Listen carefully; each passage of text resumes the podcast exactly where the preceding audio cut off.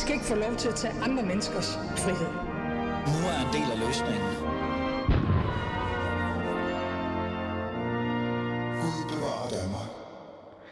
Ja, Gud bevarer Danmark. Klokken er blevet 12.06, og du lytter til Alis Fæderland. Mit navn er, som altid, Ali er min Ali. Og i dag kommer vi til at have fokus på øh, et tema eller et emne, som jeg har haft øh, fokus på to gange tidligere.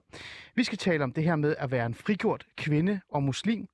Øh, og så skal vi også tale lidt om hele det her muslimske skilsmisser og ægteskaber. Hvordan kan vi gøre det på den bedste måde? Men det kan vi jo gøre ved, at jeg introducerer eller har inviteret en gæst i studiet, som ved rigtig meget om det her emne, men også brænder for at gøre noget i forhold til det her med muslimske skilsmisser osv. osv. Sharin Kankang, velkommen i studiet. Tusind tak. Lad os lige sætte nogle ord på, hvem du er. Det jeg ved om dig er, du er Danmarks eneste kvindelige imam, øh, og du er imam ved Miriam Moskeen. Mariam måske. Mariam Moskeen. Jeg skal virkelig øve mig det. Det er jo Jomfru Maria. Det er det jo, det er jo Ja. selvfølgelig rigtigt. Men, men Sharin, du er jo mere end det. Øh, prøv at sætte nogle ord på, hvad du ellers også går rundt og laver. Øh, jeg er kendt med i religionssociologi og filosofi. Jeg er stifter til daglig stifter og direktør for Exit-cirklen Veje ud af psykisk vold, som er den første NGO i Danmark, der har sat fokus på psykisk vold. Vi har øh, 20 ugentlige terapigrupper for psykisk voldsramte i 10 større byer i Danmark. Mm. Så er jeg forfatter, øh, foredragsholder, og så har jeg øh, et frivilligt arbejde i Maria Moskeen, hvor jeg fungerer som imam. Mm. Øh, vi er tre imamer i dag i Danmark, og ikke kun én. Så tre kvindelige øh, Ja. imamer. Altså, jeg kan huske, øh, lad os bare lige tage fat i den der lille del, ikke? for det kan vi ikke lade være med at tale om. Jeg kan huske, da du, øh, øh, det lyder forkert at sige sprang ud, men da du kom ud og sagde, nu at står du her, en kvindelig imam, der var virkelig meget, øh, meget fokus på det. På, på både positiv, men også ekstremt negativ måde. Hvordan har det egentlig været at bare øh, lige pludselig sige, det her, det er jeg, og sådan er det. Der kan godt eksistere kvindelige imamer. Øh, det er rigtigt, at øh, vi brød jo virkelig med status quo, da vi startede måske med kvindelige imamer, men der var mange, der hurtigt fandt ud af, at historisk set så er kvindelige imamer på ingen måde et nyt fænomen, fordi der eksisterer kvindelige imamer i mange steder i verden, blandt andet i Tyskland har der eksisteret kvindelige imamer, øhm, i Hamburg og i Køln, og senere hen også i Berlin. Mm. Øh, der eksisterer kvindelige imamer i USA, i Kanada, i... Øhm, i, i øh, Kina har der eksisteret kvindelige imamer øh, siden 1820. Og så har der også, også eksisteret kvindelige imamer på profetens tid i Medina i 600-tallet. Hmm. Og det er jo nok det mest interessante. Ja, som jeg faktisk ikke vidste. For at være ærlig. Jo, øh, Ja. på profetens tid i Medina var der tre kvinder, som øh, fungerede som kvindelige imamer. To af dem var øh, Aisha og Um Salama, to af profetens hustruer. De ledte bønden i profetens egen husmoské i Medina efter profetens død. Hmm.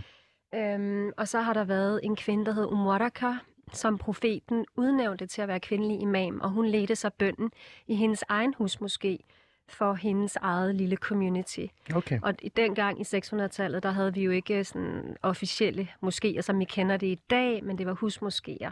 Hmm. Men det, at det har eksisteret på profetens tid i Medina i 600-tallet, det, det er jo et helt klart bevis for, at kvindelige imamer ikke er et nyt fænomen. At vi ikke gør noget nyt. At det ikke er sådan en voldsom reformation, men at vi faktisk går i uh, profeten Mohammeds fodspor. Hmm. Og netop det argument, tror jeg var et af hovedargumenterne, der gjorde, at vi kunne sådan at vi kunne komme igennem, og vi kunne opnå en form for legitimitet, fordi det viser os, at tre ud af fire retsskoler anerkender kvindelige imamer. Så der var ikke rigtig nogen, der kunne komme med noget modargument, eller kunne sådan, der var ikke nogen, der kunne levere en solid modkritik i forhold til det her fænomen. Mm. Og det er jo fuldstændig det samme, der er sket inden for kristendommen. Altså der Mm. har vi jo også fået de første øh, kvindelige præster i 47 eller 48, øh, og der var også modstand øh, fra mandlige præster, og i dag udgør øh, kvinder øh, over 50 procent af de, af de kvindelige teologistuderende på teologistudiet. Hmm. Godt. Så har vi fået sat ord på, øh, hvem du er og hvad du repræsenterer. Også øh, hele den der, øh, hvad kan vi sige, den diskussion eller den samtale, der har været omkring, øh, man kan jo godt sige dit virke, for det er jo også det, det på en eller anden måde er. Øh, det vi skal tale om i dag, øh, som, øh, som er ekstremt vigtigt for mig, men jeg tænker også, det er også vigtigt for dig, det er jo netop du, derfor, du har sagt ja til det her program, øh, det er det her med, jeg vil gerne øh, på en eller anden måde finde ud af, hvad betyder det egentlig at være en frigjort kvinde, eller være fri øh, og, og være muslim?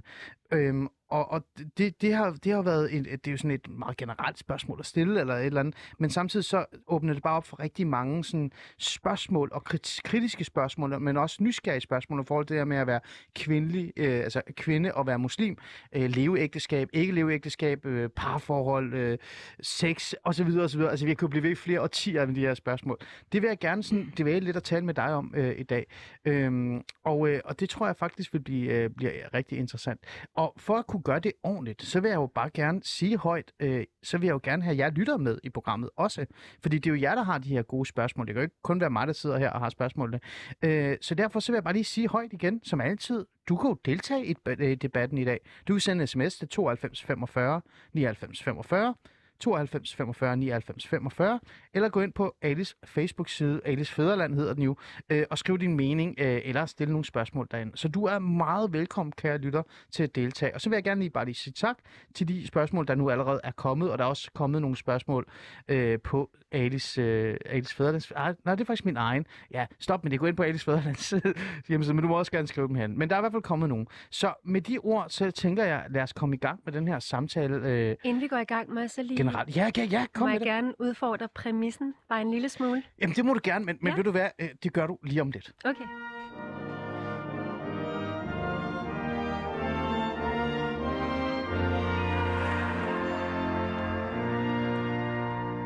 Nå, Sherin, du er allerede i gang med at udfordre mig. Fordi, øh, jeg må, lad mig gøre det sådan lidt skarpt igen. Altså, det jeg, det, jeg synes, der er interessant, øh, som jeg er begyndt at udforske lidt. Jeg har jo lavet et par programmer nu, Sherin, Ja. omkring det her. Ja. Det er den her forståelse og idé om, at man kan være eller draget til islam, eller være muslim. Øh, det kan enten være, at man er, gi- eller man er mm. født ind i det, eller bliver gift i det nærmest, ikke? altså konvertit, Ja. øh, møder en mand, eller bare synes, det er interessant. Og så stadig holde fast i den her idé om, at, at islam øh, stadig giver den frihed og de, nærmest de samme muligheder, som man har, hvis man ikke er øh, en del af det her fællesskab. ja. Det er det, der er ideen. Og grund til at gøre det, Sharon, det er for at sætte ord på det også Mm. over for dig, men også for mine lytter.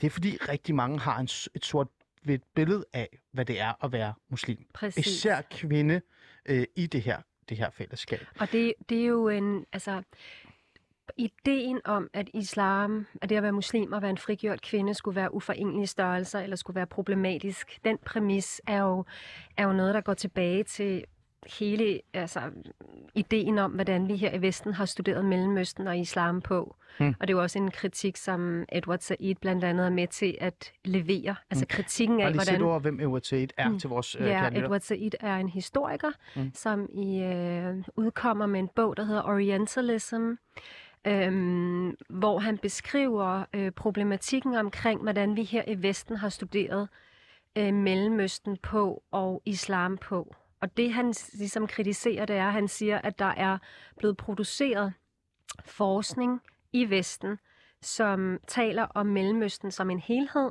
og taler om islam som en helhed. Og Vesten står ligesom for det progressive, hvorimod islam og Mellemøsten står for det bagstræberiske eller det primitive. Mm. Og, og, øhm, og denne her måde at anskue kultur på og kulturmøder på, handler jo også om, hvordan vi inden for antropologien, Mm. mm. altså læren om, hvordan vi studerer kultur og mennesker, altså hvordan vi har, hvordan vi har studeret, altså hvordan det kulturbegrebs kulturhistorie, hvordan har vi igennem tiden øh, øh, betragtet kulturbegrebet. Mm. Mm. Og der kan man ligesom sige, der findes det evolutionistiske kulturbegreb. Ja. Og det er jo ideen om, at udviklingen er lineær. Vi har udviklet os fra de primitive samfund hen imod højteknologiske samfund. Ja. Og, og så har vi det dynamiske kulturbegreb inden for antropologien, som erstatter det evolutionistiske, hvor man siger, der er ikke nogen kulturer, der er bedre end andre. Alle kulturer er lige gode. Og så har vi det postmoderne kulturbegreb, hvor man siger, vi skal afskaffe kultur som en forklaring. Vi skal Mm. møde hinanden ansigt til ansigt som mennesker i Mm. sådan en tilstand af tabula rasa, en mm. ren tilstand. Mm. Min pointe er, at Edward Said, han kritiserer jo det evolutionistiske kulturbegreb.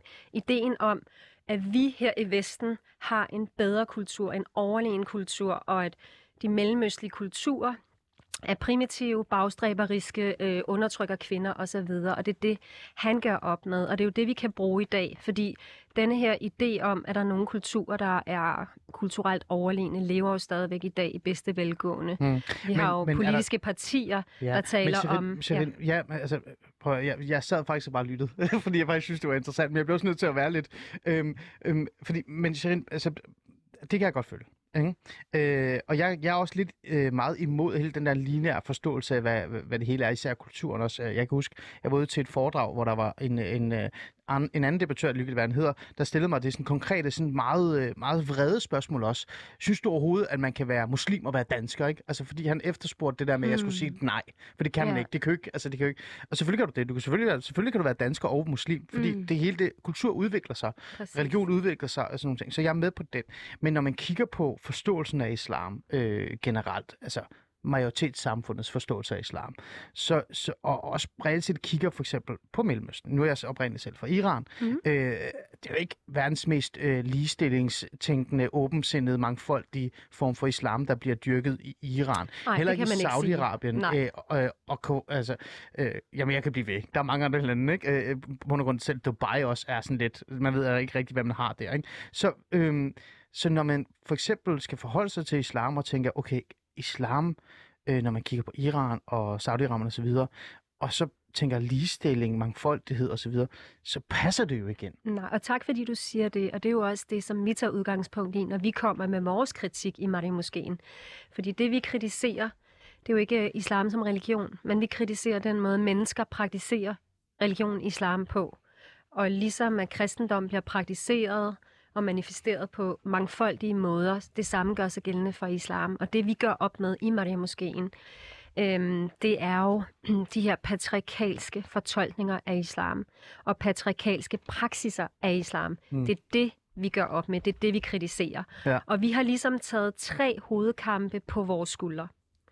Og det er kampen for kvinders ret til at være imamer, kampen for kvinders og mænds ret til at gifte sig med den, de elsker, og kampen kvinders øh, ret til en islamisk skilsmisse, Mm. mm. som hun ikke kan få i dag uden mandens samtykke, Mm. Eller uden en forudgående forsoningsproces. Ja. Det er de tre sådan, hovedkampe, vi har taget på os. Ja. Der findes jo også andre kampe, men det er ligesom det, vi har Ja. sat fokus på, Og- eller sætter fokus på. Ja, og de to sidste kan man jo godt sige, det kommer vi lige ind på øh, slutningen, eller ikke slutningen, men anden del af vores program, øh, ja. Når vi når det til. Men hvis jeg lige tager fat i de der ting, fordi så kan jeg lige så godt åbne op for det, øh, de her spørgsmål, som et eller andet sted kommer på baggrund af nysgerrighed, men også den her forståelse af, eller forvirring over, hvordan man kan sidde som, eller øh, være som kvinde, øh, og, og være en del af det her miljø, være i den her religion, fordi den, den er så... Øh, øh, hvad kan vi sige, ikke øh, ligestillingstænkende. Det er i hvert fald det, øh, majoritetsdanskerne tror. I hvert fald også kritikerne mener øh, i virkeligheden. Ikke? Nogle af de spørgsmål, jeg har fået, synes jeg faktisk er meget relevant, og altså, lad os bare tage dem med ind, fordi ja. det er en mail i den her snak. Øh, en, en Mike Urenholdt har skrevet, øh, kære Ali, øh, husk at spørge hende om, hvorfor hun som blåøjet kvinde vælger at blive kvindelig imam i en ideologi, der stiller mænd over for kvinder, og ikke ønsker kvindelige imamer kan det, øh, kan det have nogen med, med opmærksomhedssyn? Ja, det, det er vi ligeglade med. Men, men, men det er jo et godt spørgsmål, mm-hmm. øh, Mhm. han stiller, fordi ja. At, ligesom du sagde i starten, jamen der var fandtes kvindelige imamer. Det kan vi ikke stille øh. Men det er jo også en, en, øh, en religion, du vil nok kalde det en kultur, hvor man på en eller anden måde siger, øh, man er over kvinden. Punktum. Så, så øh, det her med, at man vælger at blive en kvindelig mand i en ideologi eller en, en, en religion, som Først- har det her med at sige, at først kvinden er sige- lavere end manden. Hvad tænker ja, du om det? Jeg vil sige tak for spørgsmålet. Ja. Ja. Og for det første så betragter jeg ikke islam som en ideologi. Jeg betragter islam som en slags øh, borgerskabsetik, som en livsvejledning, som en livsfilosofi. Øhm, Koranen er for mig en, en referenceramme. Sådan, øh, det er en filosofisk vejledning. Øh, så jeg ser ikke Koranen som sådan en altomfattende lovkompleks. Øh, det, det er vigtigt for mig at sige. Og jeg kan sagtens være troende muslim og vælge islam som en religion, og så samtidig være en frigjort kvinde og kæmpe for de her ting. Og jeg vil sige, at alle religioner er desværre patriarkalske i deres udgangspunkt, i deres praksis. Interessant. Ja, altså det er kristendom også, det er jødedom mm. også, det er katolicismen også. Der Mm. findes jo ikke nogen kvindelige ledere inden for katolicismen. Men Shirin, siger du så, at det ikke er religionen, der gør det?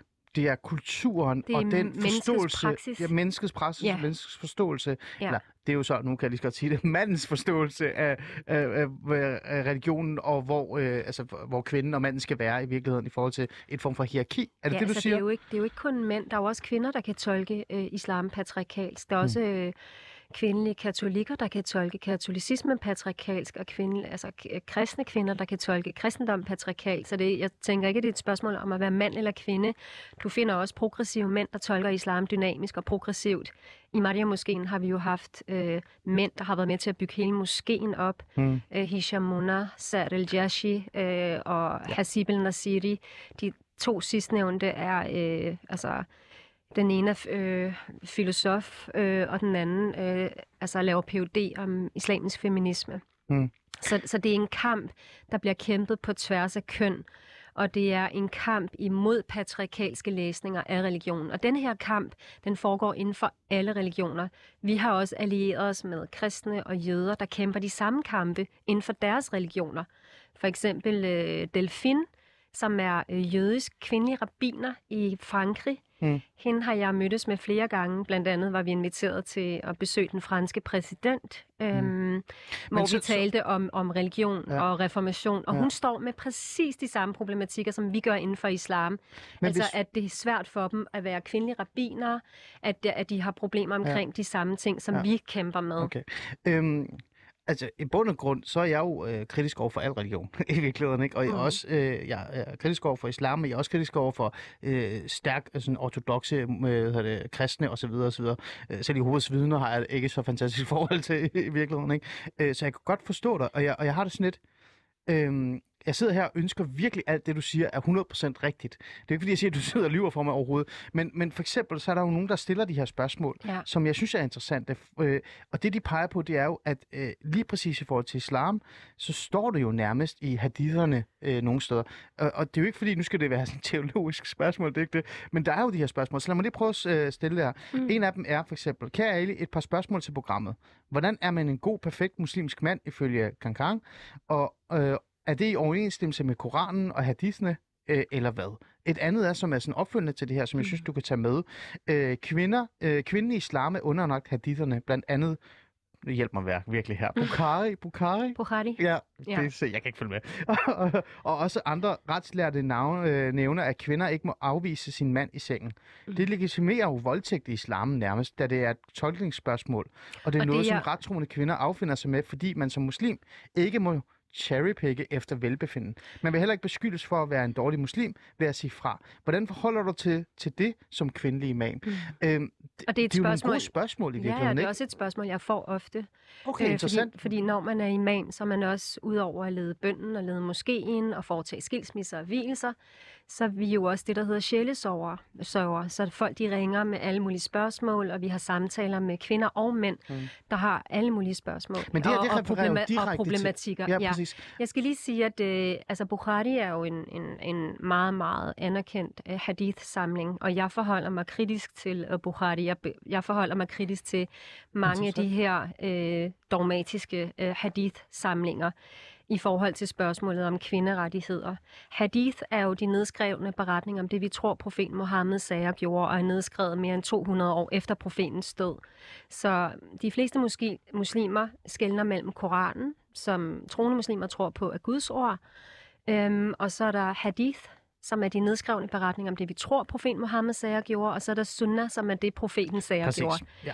Og sunnahen er jo så ligesom eksemplificeret i hadithen. Men der er, der er mange hadith, øh, det er som, der- som jeg afviser, og at der er mange Men muslimer, kan, du, der... kan man det? Det kan du sagtens. Vil du, vil du afviser du de her, øh, for eksempel, Der er, ma- tolkninger der, af de er, der er mange hadith, som jeg afviser, fordi mm. at øh, jeg ikke anser dem for at være troværdige hadith. Altså det er fortællinger, der er nedskrevet af mænd 200 år efter profetens død, mm. og som øh, er patriarkalske i deres essens, i deres udtryk og i deres øh, og, og vil, være, vil, vil have et patriarkalsk udtryk, hvis de bliver praktiseret. Mm. Må, må, Og det samme gør sig gældende. Lad mig lige sige noget. ja, Det samme gør sig gældende, fordi nogle af de spørgsmål, jeg får, det er, "Nå, hvordan kan man være troende muslim Mhm. og tro på, Koranen er Guds ord? Hvis man, altså skal man, skal man, skal Ja, man så, øh, skal man så tage det hele bogstaveligt? Ja. Og der vil jeg sige, at vi muslimer, vi er jo ikke anderledes end kristne og jøder og katolikker og alle mulige andre troende. Øhm, der er jo mange muslimer, der læser Koranen metaforisk, som læser Koranen i forhold til det samfund af den tidsalder, vi lever i. For eksempel er der et kapitel i Koranen, som vi gentagende gange hører om, og det er kapitlet altså kapitlet om kvinderne, Surah al-Nisa. Ja. Ja. Den bliver altid kastet i hovedet på mig også. Ja, og den får vi også kastet i hovedet, ja. ikke? Øh, Ja. og, og der er nemlig et vers, hvor at, at der står, at øh, mænd står over kvinder. Ikke? Øh, Al-rijalu grawamuna al-nisa. Og, og ordet grawamuna, det bliver oversat med stå over. At Mm. manden står over kvinden. Men det her ord, det har mange forskellige betydninger på arabisk. Mm. Og heldigvis lever vi i en tid, hvor der er muslimske lærte og retslærte, der har oversat Koranen, øhm, og som har givet alternative oversættelser, inden at manden står over. Du kan også oversætte det med, at manden drager omsorg for kvinden, eller skal beskytte kvinden, eller skal opmuntre kvinden, skal stå ved siden af kvinden som en søjle og støtte hende og opmuntre hende i det, hun vælger i sit liv. Mm. Så ordet krawamuna kan godt oversættes med andet, end at manden står over kvinden. Og på den måde har muslimer en kreativitet, en fleksibilitet og et råderum, når vi foretager den her læsning af Koranen. Og det er præcis ligesom med kristne. Så du kan godt være muslim og tro på Koranen, og samtidig have den her læsning af Koranen i forhold til det samfund af den tidsalder, du lever i. Mm. Der er også vers, der handler om arveret, om skilsmisse, om ægteskab. Ja. Øhm, Renter har jeg om, fundet ud af, om renter, ja. Øhm, der er vers, der handler om arveret for eksempel. Ja, som at, at manden skal arve mere end kvinden. Ja. Og, og hvis du så spørger en muslim, der er, har en måske mere spirituel, sufi-orienteret tilgang til Koranen, så vil, du, så vil du få et svar, der hedder, at det her vers, det er ikke kønsbetinget, det er ansvarsbetinget. Og mm. da Koranen blev åbenbaret, der var manden ansvarlig for at forsørge kvinden, men nu er tiderne forandret, så derfor har verset ikke længere nogen relevans, Mm. mm. fordi betingelserne ikke er opfyldte. Så på den måde kan du tolke Koranen i forhold til det samfund, du lever i, og den tid, du lever i. Du kan ikke, du kan ikke læse den sådan øh, uden kontekst. Interessant. Øh, hjælp mig lige her, fordi ja. Øh, der er et spørgsmål øh, fra Mustafa, som har skrevet, jeg kunne godt tænke mig at høre Sherins tanker og fortolkning af Koranens sura 4, vers 34. Mm. Er det den? Er det noget af den øh, vers? Fordi det, han har skrevet, det er, at mænd står over ja. Kvinden, fordi Gud har givet nogle fortrin frem Ja. for andre, og fordi de har givet ud af deres ejendom. De kvinder, der handler ret, er lydige og vogter det skjulte, fordi. Mm. Gud vogter det. De fra hvem I frygter genstridighed, skal I, skal I, for, I formane, lade alene i sengen og slå. Hvis de så adlyder jer, skal I ikke foretage jer mere mod dem. Gud er ophøjet og, og stor. Nu læser jeg det sådan virkelig præcis, hvad det var. Du kender den sikkert. Det gør nogle af vores ja, lyttere jo det ikke. var det, Men- Men, det var det vers, jeg Ja, lige øh, refererede præcis til starten af Ja, verset. Men ikke? det her vers så, lad mig Ja. lige prøve. Og det er alt det, du sagde lige før. Jeg ja. Synes jo, det er interessant. Jeg kan Mm. faktisk godt... Øh, jeg sidder her og tænker, det er jo, det er jo virkelig, virkelig Mm. godt det her på en eller anden måde også. Ikke? Men betyder det så, at, at når du kigger på det her vers, øh, du afviser ikke øh, Koranen, du afviser ikke øh, Guds ord osv., men det du gør, det er, at du siger, den her fortolkning af det, der står her, er muligvis forkert. Og den afviser du, Ja. eller hvad? Det er Ja. bare for at forstå det helt, jeg, fordi jeg, jeg har det sådan gen, et... jeg genlæser Koranen med fokus på kvinders rettigheder Interessant. i forhold til det samfund af den tidsalder, jeg lever i. Præcis ligesom jøder og kristne gør det samme. Altså hvis, hvis vi skulle læse øh, det gamle eller det nye testamente bogstaveligt, altså, så vil det jo også stå i modsætning til øh, kvinderettigheder og alle mulige rettigheder. Øh, der står i det nye testamente, der siger Jesus, jeg er ikke kommet for at bringe fred, jeg er kommet for at bringe svær. Hvis du skal læse det her vers bogstaveligt, så kunne man jo godt læse det krigerisk og sige, okay, Jesus er kommet for at bringe svær, ikke for at bringe fred. Ikke? Det kunne du godt læse som om, at at godt, ja. kristendom er en krigerisk religion, hvis vi på systematisk vis gentog det her vers. Mm. Men det, som mange kristne gør, det er, at de siger, at vi læser det metaforisk. Det her svær, siger de, det er en metafor for, at Jesus budskab er, er meget raffineret. Altså sådan, du må ikke begå utroskab, du må ikke tænke tanken utroskab. Altså det, det appellerer langt mere til mm. idealernes verden, og så det skær ligesom et svær igennem alt, og kræver mere af mennesket. Du skal elske din næste som dig selv. Du skal Ja. tilgive, ikke? Altså det er jo et, et, et radikalt budskab om tilgivelse, om næstekærlighed. Mm. Og det kan jo godt føles som et svær. Mm. Øh, altså det er metaforisk set ligesom et svær, mm. at du skal være så rummelig som menneske. Men- og jeg skal lige sige, at Ja, Jesus kort. er jo også en profet inden for islam. Jesus navn Ja. bliver nævnt mange flere gange, end profeten Mohammeds navn bliver Ja. nævnt i Koranen. Ja. Øh, mere end 25 Ja. ja. gange. Og, Det er rigtigt. Og ja, det betyder og- også, at alle skal holde jul. Det har jeg besluttet nu Og i dag. Jesus er også en kærlighedsprofet i Så islam. derfor skal vi holde jul alle sammen. ikke sådan? Jo, jeg glæder mig helt meget til, at alle begynder at holde jul fra nu af, fra dags dato. Øh, men lad mig lige bare sådan kort her, så stille, mig, øh, stille dig det her øh, hvad hedder det, øh, spørgsmål. Øhm, jeg havde en... en Nej, jeg øh, skulle en- lige... Jamen, Ja, jamen, jamen, det er fordi, at det vers, der lige blev talt om, der var jo Ja. også noget med at slå. Ikke? Jo, Ordet præcis. slå, daraba, det kan også oversættes. Øh, det har også mange betydninger på arabisk. Og jeg ved, at der er feministiske og altså progressiv genlæsning af Koranen, hvor man ikke oversætter daraba med at slå, men med, at hvis man har en konflikt, der er uløselig, så bliver man separeret fra hinanden. Men okay, så lad mig lige stille dig et op, øh, sådan opfølgende spørgsmål til Dave, som øh, Mustafa, som sidder og lytter med, faktisk også har stillet det her, det her med. Øhm, han, han spørger så, øh, hvis det virkelig ikke, altså hvis det er sådan her, ikke? Øhm, så spørg gerne, hvor i Koranen der står noget om, hvordan en kvinde kan disciplinere, disciplinere en mand. Fordi hvis det virkelig er så ligestillings... Øh, Ja, men jeg tror jo ikke på, at Koranen beskriver, at manden skal disciplinere kvinden.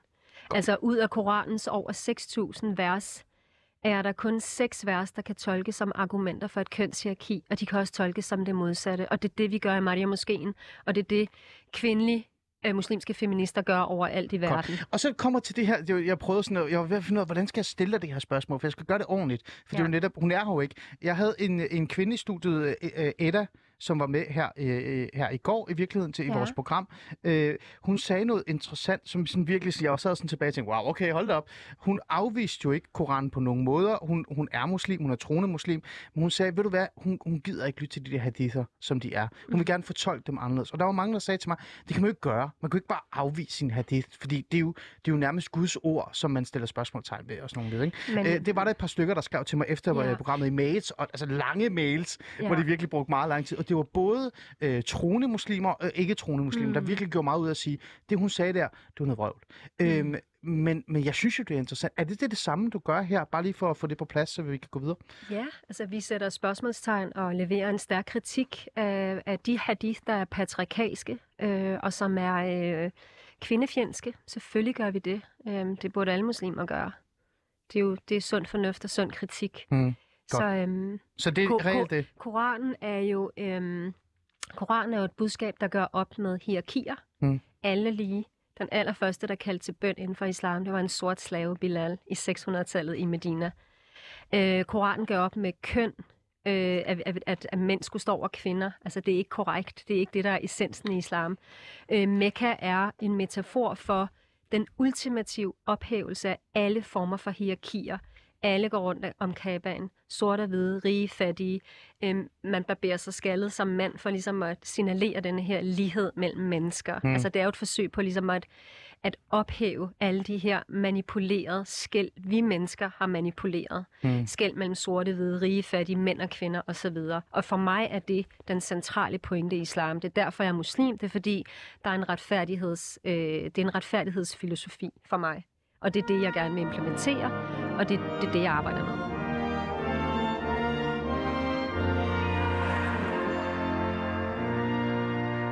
Vi skal nå alt det her, jo. Vi skal jo nå alt det her. Ja. Ja. Det er jo derfor, det er jo ikke, fordi jeg vil lukke ned for dig, Serena, overhovedet. Ja, vi skal Øh, nå det her med skilsmisse Og det er nemlig derfor, jeg sådan Ja. på en eller anden måde sagde, nu Ja. trækker vi lige en streg i det her, for jeg synes, det du sagde øh, allersidst var, var rigtig godt. Du lytter til Alice Fæderland. Mit navn er stadig Ali Aminali, og jeg har Sherin Kankang i studiet Danmarks ikke eneste kvinde imellem. Der er faktisk flere nu. Og, og så er du også bare lige for at sætte kort ord på det med, hvad hedder det, Exit-cirklen. Du er også. Jeg er stifter og direktør for Exit-cirklen Veje ud af psykisk vold, som er en NGO, der arbejder med psykisk voldsramte. Se, du kan sige det meget bedre end mig. Det er Ja. derfor, jeg tænker, Og vi har øh, ugentlige terapigrupper øh, for voldsramte, både mænd og kvinder i København. Og så øh, har vi Ja, vi har øh, 20 grupper på landsplan i 10 større byer. Ja. Og det vi taler om i dag, det er den her frigjorte kvinde og islam. Kan det overhovedet forenes? Kan man være en frigjort kvinde og være muslim? Øh, eller bliver man holdt fast af hadither, øh, konservative for, øh, hvad hedder det, fortolkninger af islam, og re- også den her majoritetsforståelse, hvad en muslimsk kvinde i virkeligheden er. Mm. Øh, øh, og jeg tænker, har tror- svaret fint på det. Jamen, jeg vil lige sige en sidste ting. Ja, jeg tror også, at øh, altså, hvis vi bliver ved med at stille spørgsmålet, kan man være frigjort og muslimsk kvinde, så er vi også med til at fastholde forestillingen om, at, det skulle være, at der skulle være et modsætningsforhold. Mm. Så, øhm, så det er jo også det, altså problemet er, at progressive kvinder, muslimske kvinder og mænd, udgør en større trussel for islamofober, end islamister udgør for islamofober, fordi vi er faktisk i stand til at ændre status quo. Øhm, vi har taget føringen, vi viser med vores eget levende eksempel, at man sagtens kan være øh, frigjort og muslimsk kvinde. Mm så er det i hvert fald sat på plads i virkeligheden. Men jeg synes stadig, det er vigtigt at have samtalen omkring det her fra et meget, øh, hvad kan vi sige, fordomsfuldt og stig- stigmatiserende øh, hvad hedder det, vinkel, fordi det er netop den, de fleste bliver mødt med ja. i virkeligheden. Men nu skal vi tale om noget mere vigtigt, eller ikke mere vigtigt, det er lige så vigtigt. Jeg synes, det er mere vigtigt. Jeg synes, det er lige så vigtigt. du synes, det er mere vigtigt, og det skal du nok fortælle mig lige om lidt. Fordi en af de ting omkring det her med at være frigjort kvinde, og, eller i hvert fald forståelsen af at være en frigjort kvinde, det er jo også at date dem, man har lyst til, gifte sig med dem, man har lyst til, mm.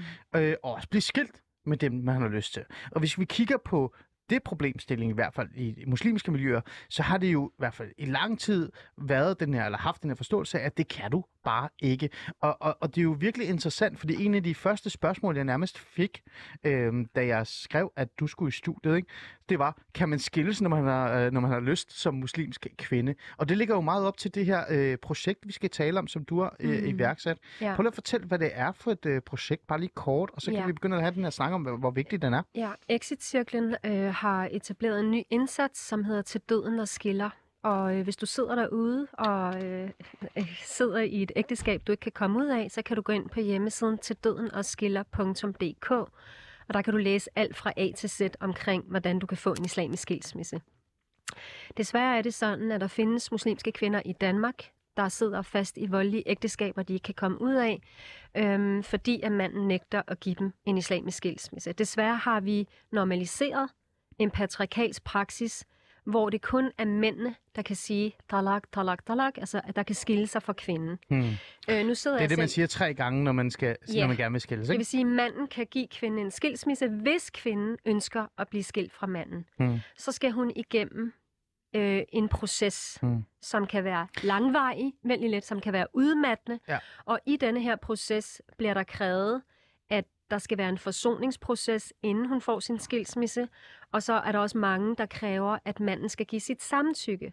Og problemet er jo, hvis du er udsat for psykisk vold, fysisk vold eller andre voldsformer, så er hele pointen jo netop, at manden ikke vil give sit samtykke. Mm. Og han måske ikke engang vil gå ind i en forsoningsproces, eller netop vil gå ind i en forsoningsproces for at forhale, at skilsmissen overhovedet kan finde sted. Mm. Så kan han blive væk fra den, så kan der gå en måned, to måneder, tre måneder, et år, to år. Tællesæt modarbejden i virkeligheden, ikke? Og jeg skal lige sige, at den her problematik eksisterer ikke kun inden for islam, den eksisterer også inden for andre religioner. Men nu har vi øh, fokus Nu på har vi islam. fokus på islam. Og det skal vi tale om nu. Men før Ja. vi lige går 100% i gang med det, øh, for nu har du sat ord på, hvad det er, og hvor vigtigt det reelt er, at, der, at I også har fokus på det her. Ja. Så vil jeg lige sige igen, øh, kære lytter, øh, tak fordi I deltager i, øh, i samtalen og lytter med, og tak for de spørgsmål, I er, I er, I er kommet med. Husk, I kan stadig øh, blive ved med det. Øh, skriv en sms på 92 45 99 45, 92 45 99 45, eller gå ind på Alice øh, Fæderlands Facebook-side og skriv en kommentar. Så nu, øh, ja, og, og deltage i samtalen. Og nu tager vi fat i det her med, Ja. med skilsmisser. Ja. Øh, du, det er jo, da jeg ringede til dig, så nåede jeg ikke engang at sige, hvad jeg vil tale med dig om, før du sagde, Ali, Ali, gå ind på den her hjemmeside øh, til døden. Øh, og skiller. og skiller. .dk. Gå ind, tryk på højre og læs her, og, og, og det er vigtigt, og det er vigtigt. Og jeg blev fanget i, at, at du har fuldstændig ret, for det er vigtigt, for det er en af de største øh, problemer, jeg har lagt mærke til som, som tidligere socialrådgiver, mm. men også en af de ting, der har fyldt rigtig meget den seneste tid i forhold til det her med, øh, hvor farligt og hvor svært det er at være muslimsk kvinde. Fordi øh, hvis du er det og bliver gift, så er du fanget for evigt. Ikke? Øhm, så en, hvor, altså, hvor, hvor vigtigt er det her? Altså, hvor, hvor stort et problem er det her i bund og grund? Vi ved ikke, hvor stort problemet er, fordi der er ikke lavet forskning på det, men der er udgivet, VIVE har udgivet en rapport, der viser, at der er et problem. At der eksisterer et problem, og der er et stigende antal kvinder med muslimsk kulturbaggrund, som sidder fast i voldelige ægteskaber, de ikke kan komme ud af. Og det mærker vi også i Maria Moskeen, og det mærker vi også i Exit-cirklen. Altså Exit-cirklen er jo terapigrupper for alle. Mm. 7 ud af 10 kvinder, etnisk danske kvinder, der også sidder fast i voldelige ægteskaber og er gift med etnisk danske mænd. Det er bare for at sige, at det her det er en universel plague, altså det er en universel plage, pest. Øh, det er ikke kun noget, der findes inden for islam. Men vi har lavet en indsats, der ligesom vil sætte fokus på det her. Så vi har lavet indgået et tværfagligt samarbejde med Maria Moskeen, fordi at Maria Moskeen, hvor jeg også fungerer som imam, er den øh, en af de få moskéer i Danmark, som giver kvinder ubetinget ret til skilsmisse, uden mandens samtykke og uden en forudgående forsoningsproces. Og Ja, det er noget nyt. Det er Ja. vi ikke vant til. Ja. Vi er vant til, at de her præmisser skal være opfyldt. Mm. Øhm, Må- må og hvis du kigger på det ældste Sharia Council, der eksisterer i London, så siger de jo også, at kvinder har ret til skilsmisse. Hvis du konsulterer Koranen, så står der tydeligt i Koranen, kvinder har ret til skilsmisse, kvinder har ret til at gifte sig igen, efter de er blevet skilt. Og det er Derfor er det ret utroligt, at vi på trods af, at Koranen tydeligt foreskriver kvinders ret til skilsmisse, har normaliseret en praksis, der er så patriarkalsk og kvindeundertrykkende, og kvindeundertrykkende, hvor kvinder ikke har denne her basale ret. Og det er det, vi vil gøre op med, og det er det, vi udfordrer. Og ved du hvad, der skal faktisk utrolig lidt til. Okay. Det, der skal til, det, Det kommer er... vi ind på lige om lidt. Det kommer vi ind på lige om lidt. Jamen, jeg, bliver, jamen, jeg bliver nødt til, Ah, okay. fordi, jeg, fordi det er som om, du har læst mit manus i virkeligheden. Nå, du er alt for jeg god. ja, det er sådan lidt, bare tag, bare, bare, ved du hvad, øh, Shirin Kankan taler de næste 25 minutter, og jeg sidder bare helt stille. Fordi øh, jeg bliver nødt til at stoppe det her, fordi øhm, der er en, der har skrevet på sms, hvorfor må man ifølge islam ikke bede om skilsmisse som kvinde, men også. kun som mand? Men det var du lige svaret på det. Øh, eller er det en fejlfortolkning af Koranen, øh, altså at mandlige imamer har, altså, har fortolket? Så øh, du svarede jo selv på det, for jeg overhovedet Ja. nåede at spille det, men, men Ja. er det så forkert, den her Nej, forståelse kvinder kan godt bede om en skilsmisse. Så hedder det en hula, hvis kvinden beder om en skilsmisse. Øhm, men når hun så beder om skilsmissen, så er der, så, så, som jeg sagde før, så skal der være en forsoningsproces, og manden skal give sit samtykke. Mm. Og det, er der jo, det kan hun jo ikke få. Nej, Hvis man men det står i skilles- Koranen. Ja, nej, der står i Koranen, at kvinder har ret til skilsmisse, og de har ret til at blive gift efter en skilsmisse. Der står i Koranen, at en muslimsk mand må ikke holde på en muslimsk kvinde imod hendes vilje. Ah, Du må ikke holde på en kvinde. nej. Du må ikke tvinge hende til at være gift, hvis hun ønsker at komme ud af Det var ægteskabet. rigtig dumt. Og øh, det er Koranen, Surah al-Baqarah, Ja. 2, 231 2, 232, og så er det øh, Surah al-Nisa, altså kapitlet om kvinderne. Det andet er kapitlet om konen. Øh, kapitlet om kvinderne 4.19. Okay. Det vil sige, der står i de her koranvers, at der gælder de samme rettigheder for mænd og kvinder, hvad angår retten til skilsmisse, og hvad angår retten til at gifte sig igen efter en skilsmisse. Ja, men, det er Og, jo, øhm, men det er jo svært alligevel. Folk har pisse svært ved det. Folk sidder fast i de her ægteskaber. Jeg har jo vejledt og rådgivet et par stykker. Ja. Sendt dem faktisk til sådan nogle, øh, hvad hedder det, øh, centre, ikke? Altså, øh, fordi de reelt set måtte flygte nærmest, fordi de ikke kunne få en skilsmisse, ikke? Ja. Øh, men, men nu har I besluttet for at gøre noget ved det. Ja. Så nu får du lov til at snakke om den her kontrakt, Ja. som du har kastet hovedet på mig. Det vi har gjort, øh, jeg skal Ja. lige sige, at i Maria Moskeen, der har vi i gennemsnit foretaget, siden vi startede vores øh, indsats i september, har vi haft omkring to om ugen skilsmisser i gennemsnit. To til tre om ugen. Øh, så har der været, nu har vi jo lige haft jul og nytår, så der har der været stillstand, men det har været to til tre om ugen. Og vi det havde jo mange, også... Og vi det havde, er jo mange. Ja, jeg har, jeg har foretaget, er det 50 nu? Cirka 50 islamiske skilsmisser Mm. til voldsramte kvinder, som ikke har kunne få en islamisk skilsmisse i nogle andre moskéer. Ja, fordi jeg gætter mig til, at, det, at man tager kontakt til dig og til jer, fordi at alt det andet øh, ikke øh, virker. Ja, og det, Det, er det, er det øh, for, for hårdt sagt? nej, eller? det er slet ikke for hårdt sagt, fordi at en ting er, at du kommer i Maria Moskeen og skal have en islamisk skilsmisse, men så skal du også have en islamisk skilsmisse af en kvindelig imam. Så der er ligesom en Der er dobbelt, en dobbelt... dobbelt ja. udfordring. Ja. Men vi har jo også mandlige repræsentanter i moskeen, der skriver under på kontrakten og bevidner skilsmissen og er med til den. Så på den måde er, er vi både mænd og kvinder. Vi har også øh, mandlige repræsentanter, der taler med familierne, taler med eksmændene, og jeg gør det også. Altså vi forsøger ligesom at, øh, at forklare, at det, det selvfølgelig er kvindens ret, og at, at man er nødt til at acceptere, at det er sådan, det er. Øh, og at, at retfærdighed er noget, der gælder både mænd og kvinder. Okay. Men det vi har gjort i Maria Ja, Moskeen, lad mig høre. det er, at vi har, den kan du se der, jeg har givet dig jeg sådan en den, jeg folder. har, den, jeg har den. Ja. Ja. Folderen, jeg, jeg kigger på dig. Ja, Det, det er i- lidt ligesom at være i folkeskole, det her. ja. Hvad skal jeg den kigge her på? folder, nu ved jeg ikke, om der er kamera på her, eller om jeg Det bare er, i der, radioen. det er der. Du er, der er kamera på. Okay, der er men, kamera øh, på. Ja, Men vi har, men det er øh, radio. vi har udviklet de her folder, øhm, og hvis du åbner den her folder, så kan du se her, så er der sådan en islamisk ægteskabskontrakt, ja. og der står her, kend dine rettigheder, inden du bliver gift. Øhm, og ideen er, at fordi problemet starter jo ikke, når vi bliver skilt. Problemet starter, når vi bliver gift. Altså, jeg er selv gift efter en islamisk ægteskabskontrakt. Jeg blev videt af en syrisk imam, fordi mm. min far han er politisk flygtning fra Syrien, så han ville have en syrisk imam, skulle Ja. ja. os. Øhm, og, øh, Meget patriarkalsk. meget patriarkalsk. Der var, der var heller ikke nogen kvinder, der måtte være med til, til, til hvilsen. Jeg sad alene ja. med alle mændene. Ja. Og, øhm, Det er altså meget stort, jeg sagde meget patriarkalsk. Bare så ved det, fordi okay. jeg, jeg, hver gang du siger patriarkalsk, så begynder jeg at få ryst på hovedet. Men okay. Men i min ægteskabskontrakt, der stod der ikke, at jeg havde ret til skilsmisse dengang. det stod der Ikke. interessant. Nej, og i majoriteten af de ægteskabskontrakter, der florerer i dag, som moskéerne de, øh, hvad hedder det, øh, hvad hedder det, har konstrueret, der står kvindens ret til skilsmisse ikke. Og det er jo det, vi har lavet om på. Så i Maria Moskeen, og jeg ved også, at Dansk Islamisk Center, de har også implementeret kvinders ret til skilsmisse. Det står i deres kontrakter, men Mm. majoriteten gør det ikke. Så det vi har gjort, det er, at vi har skrevet, begge parter har ubetinget ret til at begære skilsmisse, uanset enighed om beslutningen. Ja. Og så står der, forud for indgåelsen af nærværende ægteskabskontrakt skal parret have indgået et ægteskab i henhold til dansk lov. Og så står der, skilsmisse i familieretshuset medfører øjeblikkelig islamisk skilsmisse, og forældremyndighed afgøres ved dansk lov. Så du kan se, at vi har dobbeltsikret kvinden her. På den ene side, så har vi lavet en kobling mellem islamisk praksis og dansk lovgivning. Hmm. Og det vi har gjort, det er, i vores moské, der kan, du kan ikke blive islamisk hvid, hvis du ikke er hvid efter dansk lov. Så du skal vise på rådhuset. Ja, ja, ja gudskelov Øh, for det. Ja, altså, ja. vi bor stadig i Danmark, ikke? Jo, det gør vi Det er nemlig. jeg rimelig og så for. hvis vi bliver skilt, hvis du bliver skilt efter dansk lov, så er du skilt islamisk øjeblikkeligt. Interessant. Ja, så på den måde kan alle moskéer i Danmark sikre kvinder ret til skilsmisse, hvis alle laver den kobling. Okay.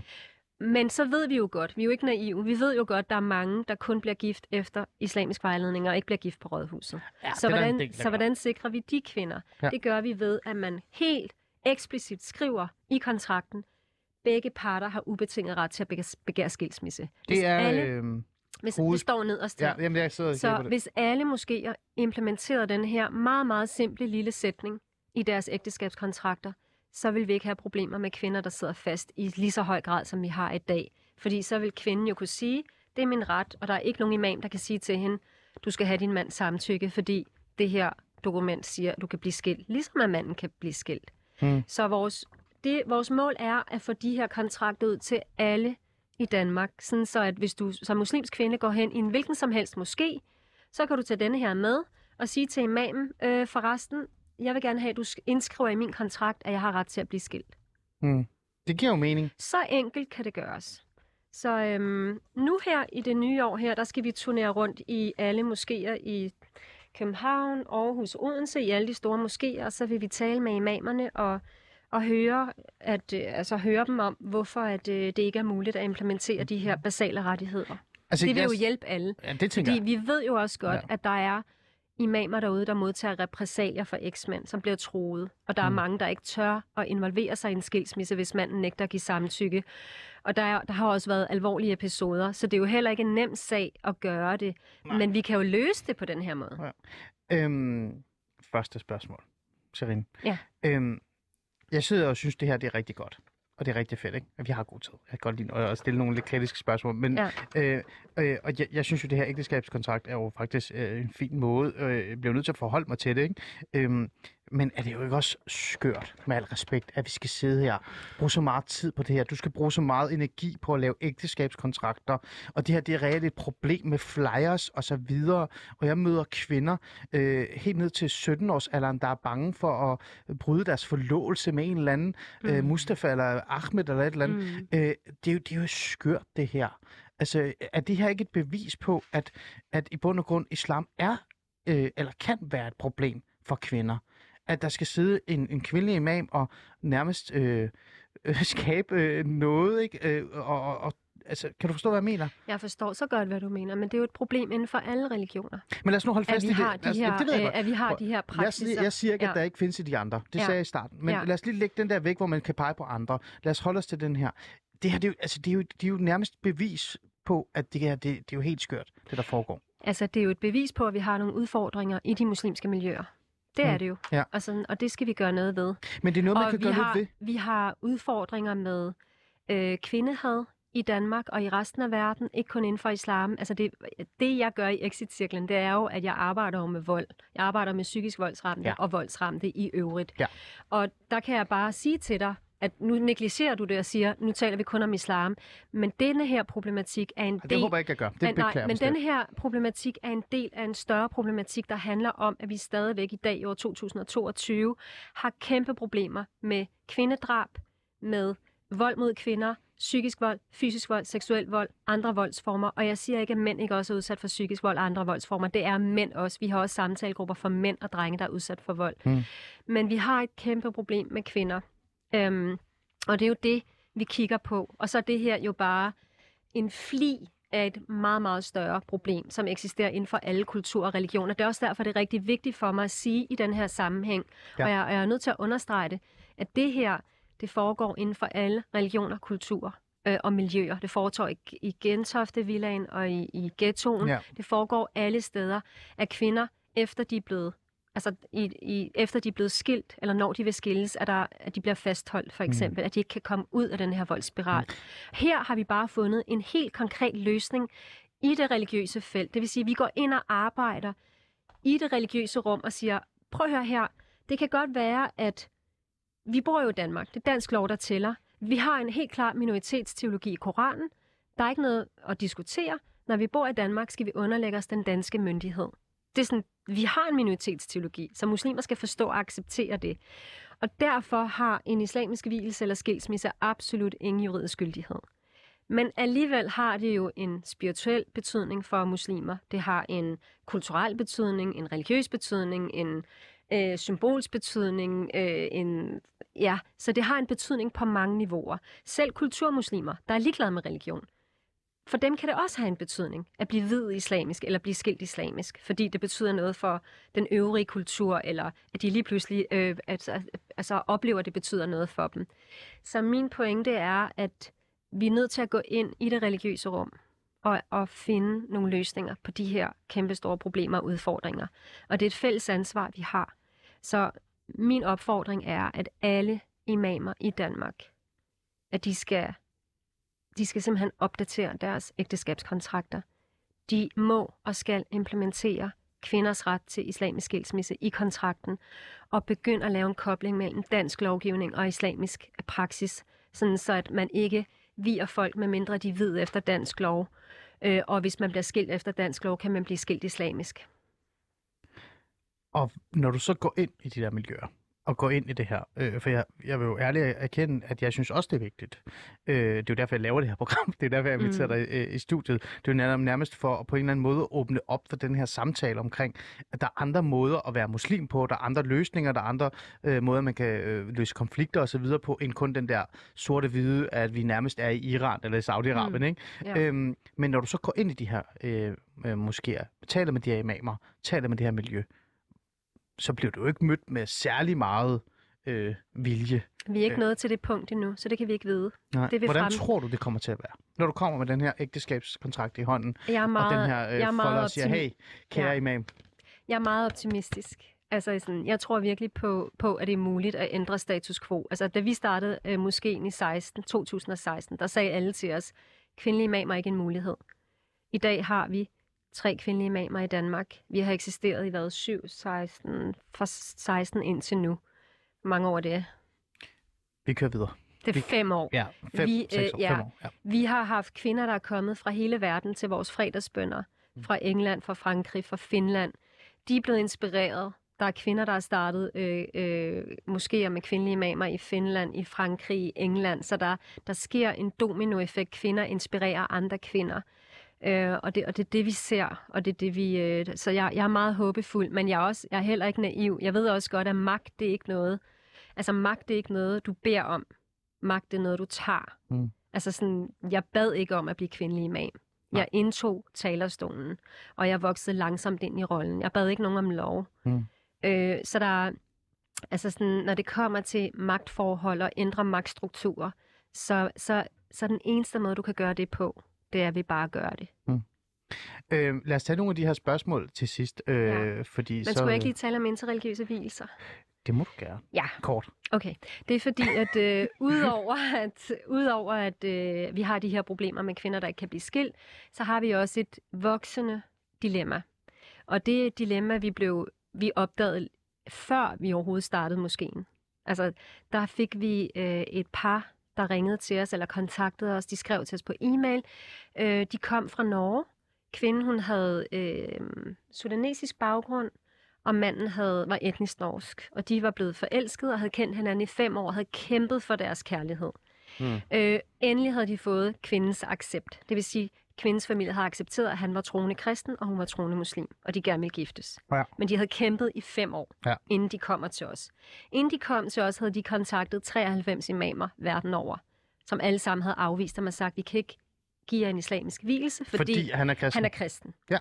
Så da de kommer hos os i Danmark, øhm, det var i 2015, før vi startede moskeen, så hvilsen foregik i mit hjem i Dragør. Der, øhm, altså det var meget, meget rørende. Øh, hendes familie var til stede, og fordi nu kunne de endelig bo sammen og Mm. flytte sammen og starte en fremtid sammen. Ja. Ja. Siden da har vi videt mere end 50-60 par interreligiøst. Mm. Er det også et Vi stort har- problem? Altså Ja. det der med, at man bliver mødt med øh, ikke en accept, eller i hvert fald ikke en mulighed for at... Det er ikke muligt i dag i Danmark at blive hvid, øh, hvis du bliver forelsket i en ikke-muslim. Det er kun Maria Moskeen, der foretager Så det er interreligiøse sådan noget, der pisser mig af i fædrelandet Vi her. har, øh, vi har kvinder, og, eller vi har par, der kommer fra Sverige, Norge, Finland, Frankrig, Tyskland, Ægypten for at blive hvid i Maria Moskeen. Okay. Så vores praksis er ligesom nået ud internationalt. Der findes jo andre øh, miljøer og moskéer i verden, der gør det. Så det er Mm. ikke kun os, der gør det, men Mm. det er få stadigvæk. Og det har I også fokus på. Det har vi, vi har Ja. stort fokus på det, fordi alting begynder med kærlighed. Og vi lever alle sammen for at opleve kærlighed. Så hvis vi ikke kan vælge vores kærlighedspartner, så er alt andet irrelevant. Så fik du også det med. Jeg gav dig lov, og det, og det skal du også være med. Vi skal stadig have nogle af de her spørgsmål, for Ja. jeg synes faktisk, der er, det er meget sjovt. Det første spørgsmål, jeg stiller, vi skal svare meget kort, for vi slutter af det her. Det var jo det her så, i bund og grund, kan man skilles, når man har lyst som muslimsk kvinde? Svaret må jo så i virkeligheden, øh, ud fra dit synspunkt, være ja, Ja, så længe man faktisk har ægteskabskontrakten på plads, altså... øh... og man øh, har bag, øh, opbakning, ikke? Man kan altid komme til Maria Moskeen og få en islamisk skilsmisse i dag. Og der findes også andre muslimske miljøer i Danmark, der giver kvinder islamisk skilsmisse. Øh, altså Dansk Islamisk Center giver jo også kvinder øh, en islamisk skilsmisse. Og så er der helt sikkert også andre, jeg ikke kender til. Så det er muligt. Koranen siger også, at det er din ret. Du har ret til at blive skilt som kvinde. Du har ret til at kræve skilsmisse. Hmm. Så, øhm, så både Koranen siger det, og det er muligt i praksis at få det. Hmm. Men der, der er stadigvæk mange moskéer. Majoriteten af Danmarks moskéer øhm, sætter nogle kriterier, der er så problematiske, som gør, at kvinden ikke kan få den i, i, i praksis. Mm. Og det er jo det her med forsoningsproces og mandens samtykke. Ja. Og det er jo det, det, det er jo de to punkter, vi har reformeret i Maria Moskeen, som vi har sagt, det kan simpelthen ikke være rigtigt. Øh, at du som kvinde, der er i et voldeligt ægteskab, ikke kan bryde ud af dit ægteskab, Mm. uden, altså hvis manden ikke vil give sit samtykke. Eller hvis du som kvinde vil have en skilsmisse, altså du skal have ret til det, ligesom manden har ret til det. Så er det på plads. Det jeg tænker, vi har fået svar på i hvert fald nogle af spørgsmålene, der har været i dag. Øh, nogle af dem var meget te- teologiske og meget sådan, øh, ja, det, det vi kunne bruge flere timer på, og jeg kan overhovedet ikke følge med, for så begynder jeg at kaste en masse øh, syre, og jeg ved ikke hvad, jeg kan ikke engang sige det, dit op i luften, og så tænker jeg, at det kan ikke. Men, men jeg synes, det var en, øh, en interessant samtale.